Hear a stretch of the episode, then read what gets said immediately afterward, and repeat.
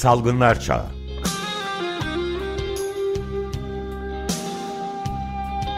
Pandemide Sağlık.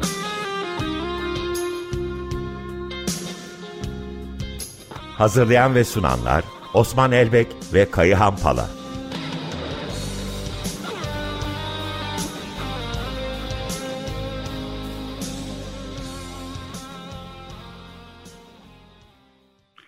Günaydın, merhabalar hepinize. Günaydın. Günaydın. Günaydın. Günaydın. Günaydın.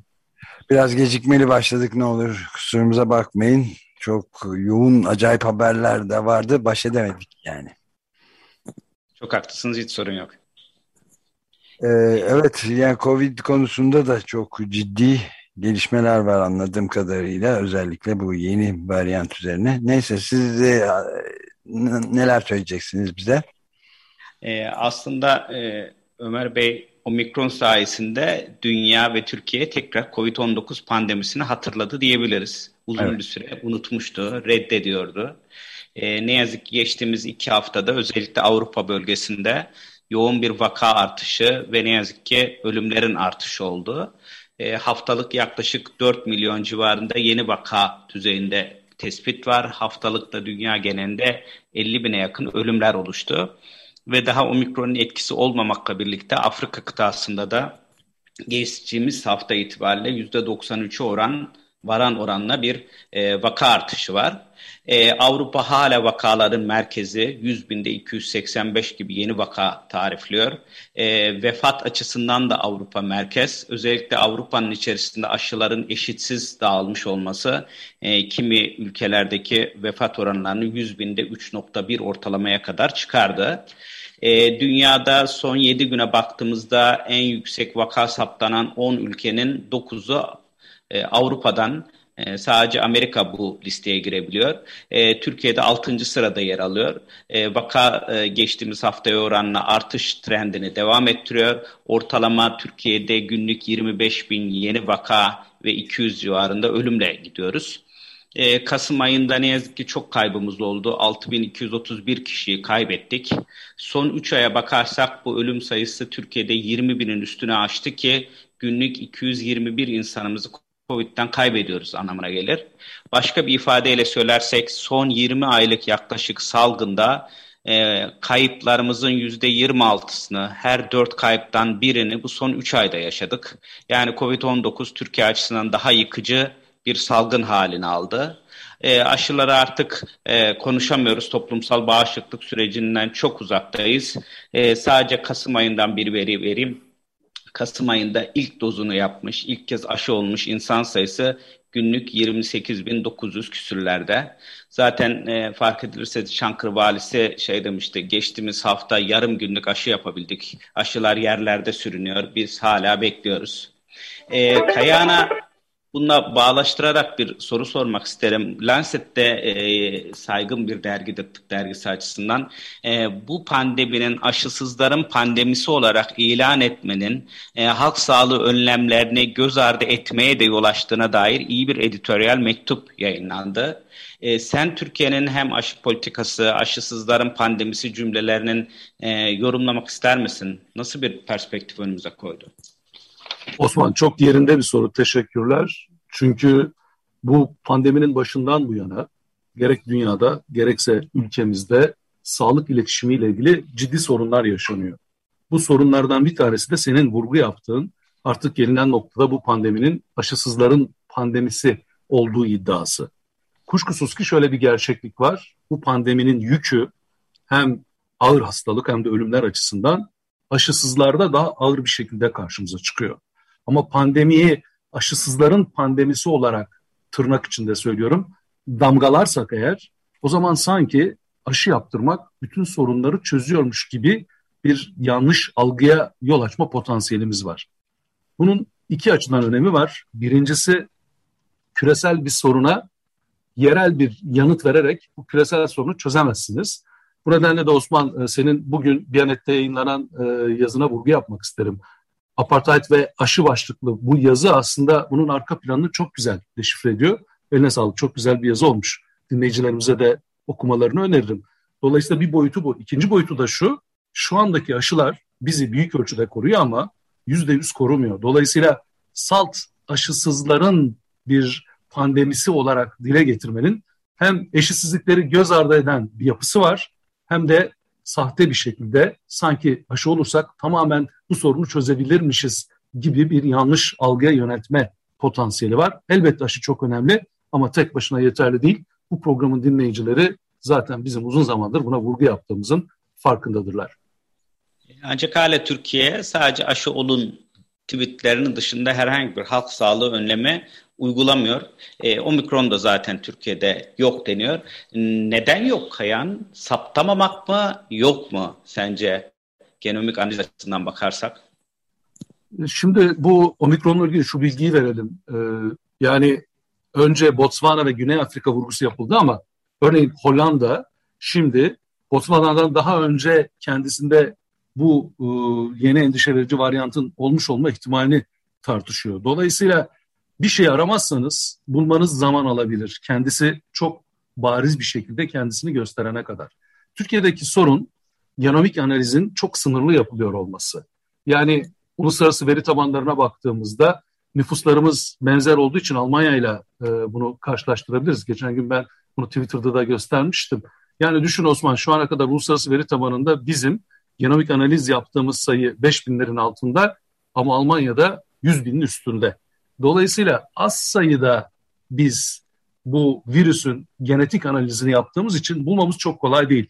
Bir tek PCR testlerine bağlı olarak bulmaya odaklanmış görünüyoruz ağırlıklı olarak. Bu da tabii bulmamız için yeterli değil. Bir de biliyorsun zaten ilk vakanın 11 Mart 2020'de duyurulması gibi sanki Türkiye bu işlerle çok fazla ilgili değilmiş gibi bir algı yaratılmaya da çalışılıyor.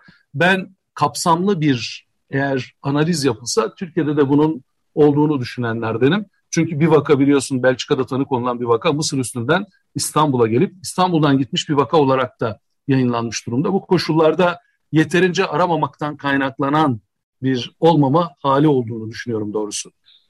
E, aslında bu rakamlara hep geç e, keşfediyor olmamızın e, bedelini ödüyoruz. Bu bağlamda geçen hafta itibariyle Sayın Sağlık Bakanı'nın e, TÜİK verileri açıklandığı zaman ölüm oranlarımızın iki hatta üç kat daha fazla olduğu görülecektir. Covid büyük bir yıkım yaptı cümlesine vurgulamak lazım. Hep geriden gelen, hep gerçek bilgiyi sonradan toplumda paylaşan, şeffaf olmayan bir yönetim tarzı var. Ki Türk Tabipleri Birliği ikinci ay raporundan itibaren e, ölümlerin gerçeklikteki sorununa hep işaret etti. Fazladan ölümleri ve bu ölümlerin e, gerçeklikle bir ilgisi olmadığını, yanlış kodlar kullanıldığını ifade etmişti. 20 ay sonra anlıyoruz ki TÜİ'nin verileri açıklanmak üzere herhalde e, toplum iki katı, üç katı ölümlere hazırlanıyor. Çok trajik. Ee, öte yandan e, bu aşı ve apartheid meselesi gerçekten dünyada çok fazla tartışılmaya başlandı. Türkiye'de pek yansımasını bugüne kadar görmedik ama dünyadaki eşitsizlik bir apartheid rejiminin eşitsizliğini ha hatırlatıyor aşı bağlamında. Afrika örneğin 6 kat daha az aşılanmış durumda. Ee, geçen e, aylarda ve haftalarda Oxfam ve Affinity'nin e, çok e, nitelikli raporları çıktı. E, oradan birkaç veriyi paylaşarak bu aşı eşitsizliğini de gündeme getirmek isterim. Evet aşısızların salgını pandemisi demek yanlışsa da ölümü engelleyen, hastalığı kontrol altına alan bir mekanizma aşı. Ama dünyadaki herkes aynı oranda bu şansa sahip değil. Örneğin G7 ülkeleri dünyada dağıtılmış her 5 e, aşıdan birinin dozuna el koyarken e, düşük gelirli ülkelerde binde beş oranında bu oran. Yani aralarındaki bir 40 kat farklılık var. E, G20 ülkelerinde aşılanan nüfus e, tüm Afrika'da aşılanan nüfusun beş katı. E, yine Afrika'ya yönelik bir e, apartheid rejimine hatırlatan bir ayrımcılık var. E, şöyle çarpıcı bir e, veri var. Afrika Birliği'nin nüfusu Avrupa Birliği'nin üç katı. Ee, ama Avrupa Birliği'ne ulaşan aşı e, doz sayısı e, Afrika Birliği'ne ulaşanın 15 katı. Hani gerçekten beyaz adam Afrika'yı ölüme mahkum ediyor ama görmek zorunda ki o mikron örneğinde görüldüğü gibi ya hep birlikte çıkacağız bu salgından ya hatta hep birlikte batacağız. Aslında çıkmak da mümkün. Sadece aşıyı stoklama süreçlerine biraz azaltsak, örneğin Temmuz ve Ağustos ayında G7 ülkeleri başta olmak üzere e, gelişmiş kapitalist ülkeler e, kötü günler için ayırdıkları stoklarını e, bugün ihtiyacı olanlara ulaştırsalardı 6 bin ölüm engellenebilecekti. E, veriler eğer bu stok e, çalışmasının gerekli ülkeler ulaşması halinde 2022 ortasında 1 milyon insanın ölümünün engellenebileceğini söylüyorlar. Ve daha kötüsü bugün itibariyle G7 ülkelerde süresi geçmiş, miadı dolmuş 100 milyon doz aşı var. Hani gerçekten stok yapmanın sonuçlarıyla karşı karşıyayız. Tabii bunun aşı şirketleri açısından da bir karşılığı var. Aşı şirketleri e, kapitalist ülkelere, merkez kapitalist ülkelere e, aşı satmak istiyorlar. Örneğin Moderna Afrika Birliği'ne hiç aşı satmamış durumda. Sattığı 10 doz aşının 9'unun merkez kapitalist ülkelere yapmış. E, Pfizer, BioNTech ve Moderna şirketinin saniyede 1000 dolar kar yaptığını söylememiz lazım her bir saniyede bin dolar kar yapıyorlar. Böyle bir aşı eşitsizliğinin olduğu dünyada omikron veya başka bir mutasyonla e, halk sağlığının, birey ve toplum sağlığının yok olacağını öngörmek kehanet olmasa gerek. Değil mi Kayan ne dersin? Çok Pardon ben bir ufacık ilavede bulunabilir miyim izninizle? Buyurun, buyurun, buyurun Ömer Bey.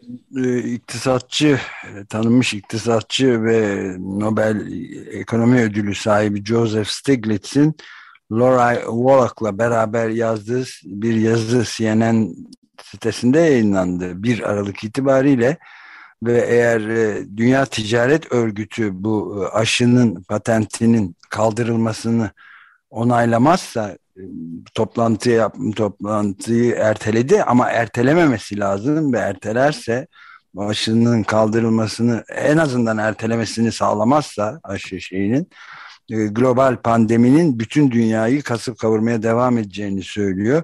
Yani çok net bir şey. Dünya Ticaret Örgütü'nün Bakanlar Konferansı 4 yıl sonra ilk defa toplanacaktı ve toplanmaktan vazgeçti. Bu omikronun e, ortaya çıkmasıyla beraber son evet. koronavirüs varyantının sadece toplantının ertelenmesini değil aynı göstermedi.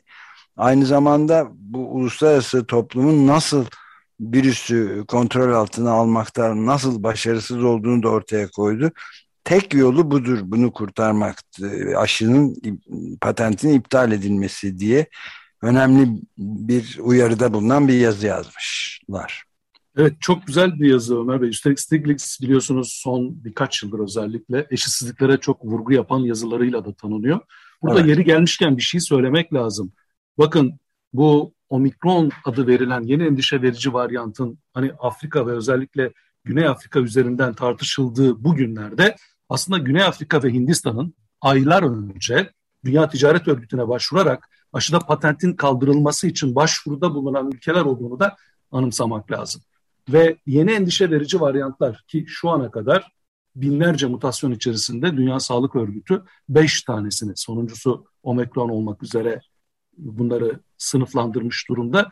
Bunların tamamı aslında ağırlıklı olarak bu pandemiye güçlü yanıt verilemeyen, aşının bulunması ve uygulanmasından sonra da aşının çok düşük oranda uygulanabildiği ülkelerden karşımıza çıkma potansiyeli taşıyor. Burada Stiglitz ve diğer bilim insanlarının vurgu yaptığı, bizim de uzun zamandır söylediğimiz bir şey var. Eğer küresel olarak bu sürece güçlü bir yanıt veremezsek, gerçekten de bu pandeminin nereye doğru evrilebileceğini tahmin etmek giderek zorlaşıyor. Dolayısıyla bu şey çok önemli gerçekten. Yani yalnızca patentin kaldırılması değil. Sorun patentle çözülmeyecek. Patent mutlaka kaldırılmalı ama patent kaldırıldıktan sonra da kamusal bir yaklaşımla aşının üretilmesi ve dağıtılması mutlaka sağlanmalı. Eğer bu sağlanamazsa öyle görünüyor ki dünyanın özellikle az gelişmiş e, coğrafyalarında sorun giderek büyüyecek. 2022 e, ortasında projeksiyonlar 500 milyon yeni vakamızın olacağını, sadece ve Avrupa'da ve Asya'da 700 bin ölümün olacağını öngörüyor. E, Stiglitz'in e, durduğu yerden kapitalizm açısından bile irrasyonel. Çünkü aşısızlığın ekonomik maliyetini, hani insan maliyetine bakmıyor sistem ama ekonomik maliyetini ortaya çıkarıyorlar. 9 trilyon dolar ve diyorlar ki bunun yüzde biriyle tüm dünya aşılanabilir. Ama neoliberalizm artık böyle değil. Servetin çok e, uçuk düzeyde sadece küçük bir grupta diğerlerini ve sistemi yok etme pahasına gidiyor. E, bunun da e, Covid-19'daki karşılığı 9 tane yeni aşı milyarderimiz var. Servetleri 9 milyar dolar. Umurunda bile değil dünyanın geri kalanı. E, Türkiye'den de kopmamak lazım. Türkiye de bu eşitsizliğin bir parçasında batısıyla doğusuyla kuzeyiyle güneyle hem sınıfsal hem etnik olarak bu ayrımcılığı yaşıyor. E, buna bir çözüm olarak gelen e, getirilen Turkova'da da biraz konuşmak istiyorum. E, Kayan biliyorsun dünyada hani faz 3 çalışmaları hep e, 15 bin, 20 bin, 30 binin üstünde insanlarla yapıldı. E, bildiğim kadarıyla dünyada bir hatırlatma dozu uygulanarak acil kullanım onayı almış herhangi bir aşı yok. E, geçtiğimiz hafta basına yansıyan bilgilerden Turkovan e, 40 hastayı tamamladığı için faz 3 verisiyle birlikte hatırlatma dozlarıyla acil kullanım onayına başvurduğu ifade edildi. İddialar 1300-2000 civarında hastayla faz 3'ün tamamlandığı veya e, acil kullanım onayı için e, başvurulduğunu ifade ediyor. E, tabii ki bu ülkede aşı üretmek çok değerli. Bir e, pandemi aşısı üretmek çok kıymetli. Ama verilen bu emeklere de uygun bir bilimsel çerçeve lazım. Ne dersin Turkova'nın acil kullanım onay başvurusu için? Şimdi bilgilerimizi sıralayalım istersen Osman. Birincisi Turkovak'la ilgili şu anda faz 1 ve faz 2'sinin sonuçlarını içeren bir rapor yok. Vaksin dergisinde yayınlanan bir makale var ama o klinik öncesine ilişkin bir prosedürü anlatıyor. Dolayısıyla örneğin faz 2'sinin sonucunun ne olduğuna dair yayınlanmış bir bilimsel rapor henüz toplumla paylaşılmış değil. Senin de söylediğin gibi bizzat televizyonda bu aşının yürütücülüğünü yapan e, bir bilim kurulu üyesinin sözlerine dayanarak şunu söylemek mümkün. Faz 3 sırasında 1300 kişiyi değerlendirmeye almışlar şu anda. Bunlar 40 tane vakaya ulaştığı için bir değerlendirme söz konusu olmuş ve aşının enfeksiyona karşı koruyuculuğu televizyondaki ifadeyle söylüyorum %60 olarak bulunmuş. Bunun üzerine acil kullanım onayını bu aşının rutin kullanımı için değil, hatırlatma dozu olarak kullanılması için e, TİTCK'ya başvuru biçiminde değerlendirmişler. Bir kere bu bilimsel olarak gerçekten çok sıkıntılı, kabul edilebilir bir şey değil. Üstelik buradan yola çıkarak eğer buna bir acil kullanım onayı verilecek olursa bunun hem ulusal hem uluslararası bilim kamuoyunda ciddi bir kuşkuyla karşılanabileceğini de mutlaka düşünmek gerekir. Bu nedenle hem faz 1, faz 2'nin sonuçlarının yayınlanmasını istemek lazım. Hem de faz 3'ün senin de söylediğin gibi işte on binlerce insanı katacak şekilde sürdürüldükten sonra bu değerlendirmenin yapılması lazım. Bir yandan dünyada bu pandemiye karşı inaktif aşıların diğer aşılarla kıyaslandığında çok güçlü yanıt vermediği bilinirken öte yandan Türkiye'de bir inaktif aşının bundan sonra hatırlatma dozu olarak kullanılabilme yaklaşımı gerçekten bilimsel bir perspektiften tartışılmalı. Çünkü en azından benim bildiğim iki araştırma, biri Hong Kong'dan, diğeri Tayland'dan, iki Sinovac aşısı olmuş olanlara üçüncü doz olarak inaktif aşı verildiğinde mRNA aşılarına göre çok daha düşük bir koruyuculuk oranının karşımıza çıktığını gösteriyor.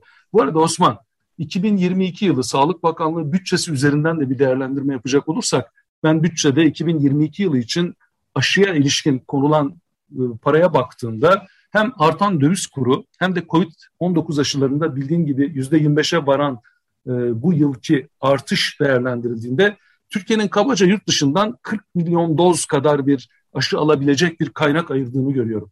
Belki de bu Türk Hava aşısının bu kaynak ayırma sıkıntısıyla birlikte de değerlendirilmesinde yarar var. Bunun için süreci açıklıkla tartışmaya ihtiyacımız var. Minik bir şey sorabilir miyim? Bu Turkovak e, üreten ki. üreten firma ya da yani kamu mu bir şirket mi Türk Türkiye'de ve bunun üretimi nerede olacak? Çünkü bazı batılı aşıların Hindistan, Güney Afrika'da aslında üretildiğini görüyorduk. Türkiye'de de böyle mi planlanıyor? E, Türkiye'de şirket üretecek. Ee, biz iki hafta kadar önce Aykut Özdarendeli Hoca'yı e, Toraks Derneği Kongresi'nde dinleme fırsatını bulmuştuk. E, orada e, artık faz 3'ün e, kendi uhdelerinde olmadığı Erciyes Üniversitesi'nde e, daha çok e, Hacettepe ve şehir hastaneleri üzerinden gittiğini, e, şirket temasının kurulduğunu ve üretim tarzının tariflenebileceğini ifade etmişti. Yine Aykut Hoca'nın oradaki bir e, vurgusunu Kaya'nın cümleleriyle bağdaştırarak söylemek gerekirse hani e, slide e, fotoğraflarından imtina etmemizi istemişti. Çünkü faz 1 ve faz 2 sonuçlarını yayına hazırladıklarını ifade etmişti. E, bu hala aşımızın e, Türkiye'deki en azından üretilmeye çalışılan aşının faz 1 ve faz 2'sinin sonuçlarını bilmediğimiz anlamına geliyor. Biz e, dinleme şansına sahip olduk. Bir inaktif virüs aşısı e, etkinliğinde olduğunu söyleyebilirim. E, ben hocaya da şey sormuştum. Hani Türkovak mRNA aşılarının olduğu, e, Coronavac'ın olduğu bir yerden nerede olacaktır? O, onun da bakış açısı tabii duygusal olacağım dedi. E, haklı olarak. Dedi ki eğer Sinovac kadar etkiliyse hani Sinovac'ın yerine neden Türkova kullanmayalım gibi haklı bir yer olarak da doğru ve akılcı bir şekilde planlanmıştı. Türkiye'nin aşı çeşitliliğini devam ettirip e, mRNA aşılarına ulaşmak isteyen yurttaşlarına mRNA aşılarına ulaşma şansını devam ettirmesini sağlamanın önemli olduğunu düşünüyorum. Bilmiyorum Kayan senin ekleyeceğin bir şey var mı bu konuda? Çok haklısın. Bence de Türkovak eğer bu faz 1, faz 2 ve faz 3 dönemlerini geçer ve en az Sinovac kadar etkili olduğu gösterilecek olursa inaktif aşı olarak onun kullanılması elbette hepimizin tercihi olacaktır. Ama bu sürecin bilimsel olarak ortaya konup kafalarda hiç soru işareti bırakmaması gerekir. Ee, yavaş yavaş sona geliyoruz. Ee, aslında tedavi konusunda bir parantez Osman bir şey söyleyebilir miyim? Sona tabii, gelmeden tabii, önce bir vurgu yapmak istiyorum. Şimdi dün gazete Pencere'de çok önemli bir haber vardı bu pandemiyle ilgili. Deniyordu ki Mardin ve Urfa'da sağlık sistemi alarm veriyor. Özellikle Mardin İl Sağlık Müdürü'nün korona vakı şey koronadaki vaka artışından endişe duyduğunun belirttiği bu haberde ilginç olan şöyle bir şey var. Şimdi Mardin ve Urfa'da sağlık sistemi alarm veriyor ama bakanlığın illere göre açıkladığı haftalık yeni olgu görülme sıklığında yani Şanlıurfa 100 binde 45 gibi düşük bir oranda Türkiye'ye göre Mardin ise 100 binde 20 gibi çok düşük bir oranda. Şimdi bu kadar az tırnak içinde söylüyorum Türkiye'deki diğer illere göre yeni olgu görünme sıklığının olduğu illerde eğer sağlık sistemi alarm veriyorsa bunu özellikle sağlık müdürlüğü gibi yetkililer açık yüreklilikle söyleyebiliyorlarsa Türkiye'de durumun hiç de iyi olmadığının altını bir kez daha çizmek gerekir diye düşünüyorum. E, çok haklısın. Her zaman olduğu gibi zannederim salgını, pandemi değil, rakamları kontrol altına almak gibi bir politik tercih içerisindeyiz. Dediğim gibi bir tedaviye parantez açmak istiyorduk. Özellikle e, evlere ulaştırılan favipiravir konusundaki gelişmelerle ilgili ve yeni ilaçlarla ilgili. Onu iki hafta sonraya bırakalım. E, bu aşı eşitsizliğinden, bu genel eşitsizlik halimizden daha eşitlikçi, tüm dünyadaki insanların bir arada mücadele edeceği, eşitlikçi, özgürlükçü bir dünya için mücadele edeceği bir ütopyayla çıkacağımızı hatırlatayım. E, bu haftaki müziğimiz de eski bir şarkının yeni versiyonu. Eskisi gibi bir marş düzeyinde değil, e, daha çoğulcu, daha özgürlükçü, herkesin renklerini içerisinde kapsayan ama tüm dünya insanlarının, tüm dünya halklarının bir arada barış içinde özgürce, eşit olarak yaşayacağı bir melodiyi e, sözsüz e, piyano sesleriyle size armağan etmek istedik. Ne dinliyoruz? E, Piski'den dinliyoruz. Sürpriz olsun melodiden çıkartırız diye düşünüyorum şarkının sözlerini. Tamam. Teşekkür ederiz. Hoşçakalın. Görüşmek Hoşça üzere. Hoşçakalın. Görüşmek üzere. Hoşçakalın.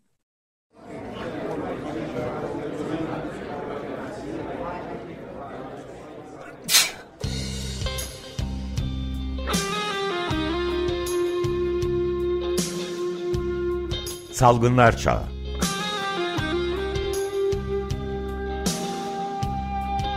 Pandemide Sağlık.